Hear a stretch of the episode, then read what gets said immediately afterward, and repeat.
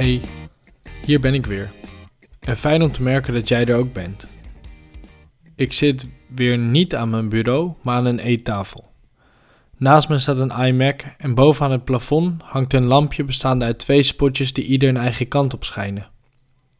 De tafel plakt nog een beetje. Er is net een doekje overheen gegaan. Quarantaine gaat voor mij over ritme, balans, afwisseling en motivatie. Ritme om mijn dagen structuur en houvast te geven. Balans om te zorgen dat er zowel inspanning als ontspanning is. Afwisseling, zodat dagen uniek blijven en de invulling divers. En motivatie omdat het stopzetten of afhaken eenvoudig is, omdat er tot 1 juni voor mij toch weinig op de planning lijkt te staan. Daarom maak ik, ook als het maar een paar minuten zijn, elke dag een podcast. Gisteren kort vanuit de trein omdat ik dit al langere tijd graag wilde doen en het juiste moment nooit echt lijkt te komen.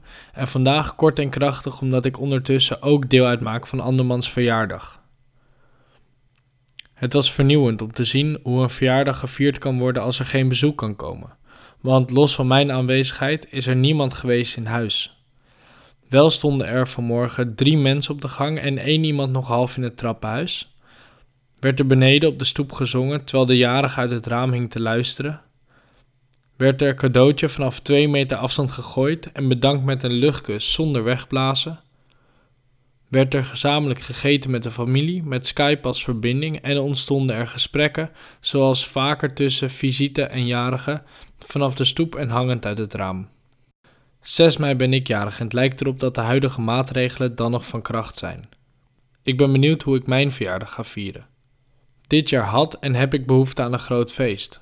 Al mijn oude en nieuwe vrienden bij elkaar om het contact weer warm te houden. Toch lijkt het erop dat het feest uitgesteld gaat worden naar een later moment. Wie weet pas 365 dagen later. En ook visite zal niet op bezoek kunnen komen, maar zal online een vergelijkbaar feestje kunnen bijwonen. Hoe dan ook, verstrijken er dagen en zal mijn verjaardag volgend jaar weer terugkeren. Hopelijk is de curve dan afgevlakt en kunnen de meeste mensen weer vooruit bewegen. Tot die tijd nog even thuis. Wel rusten.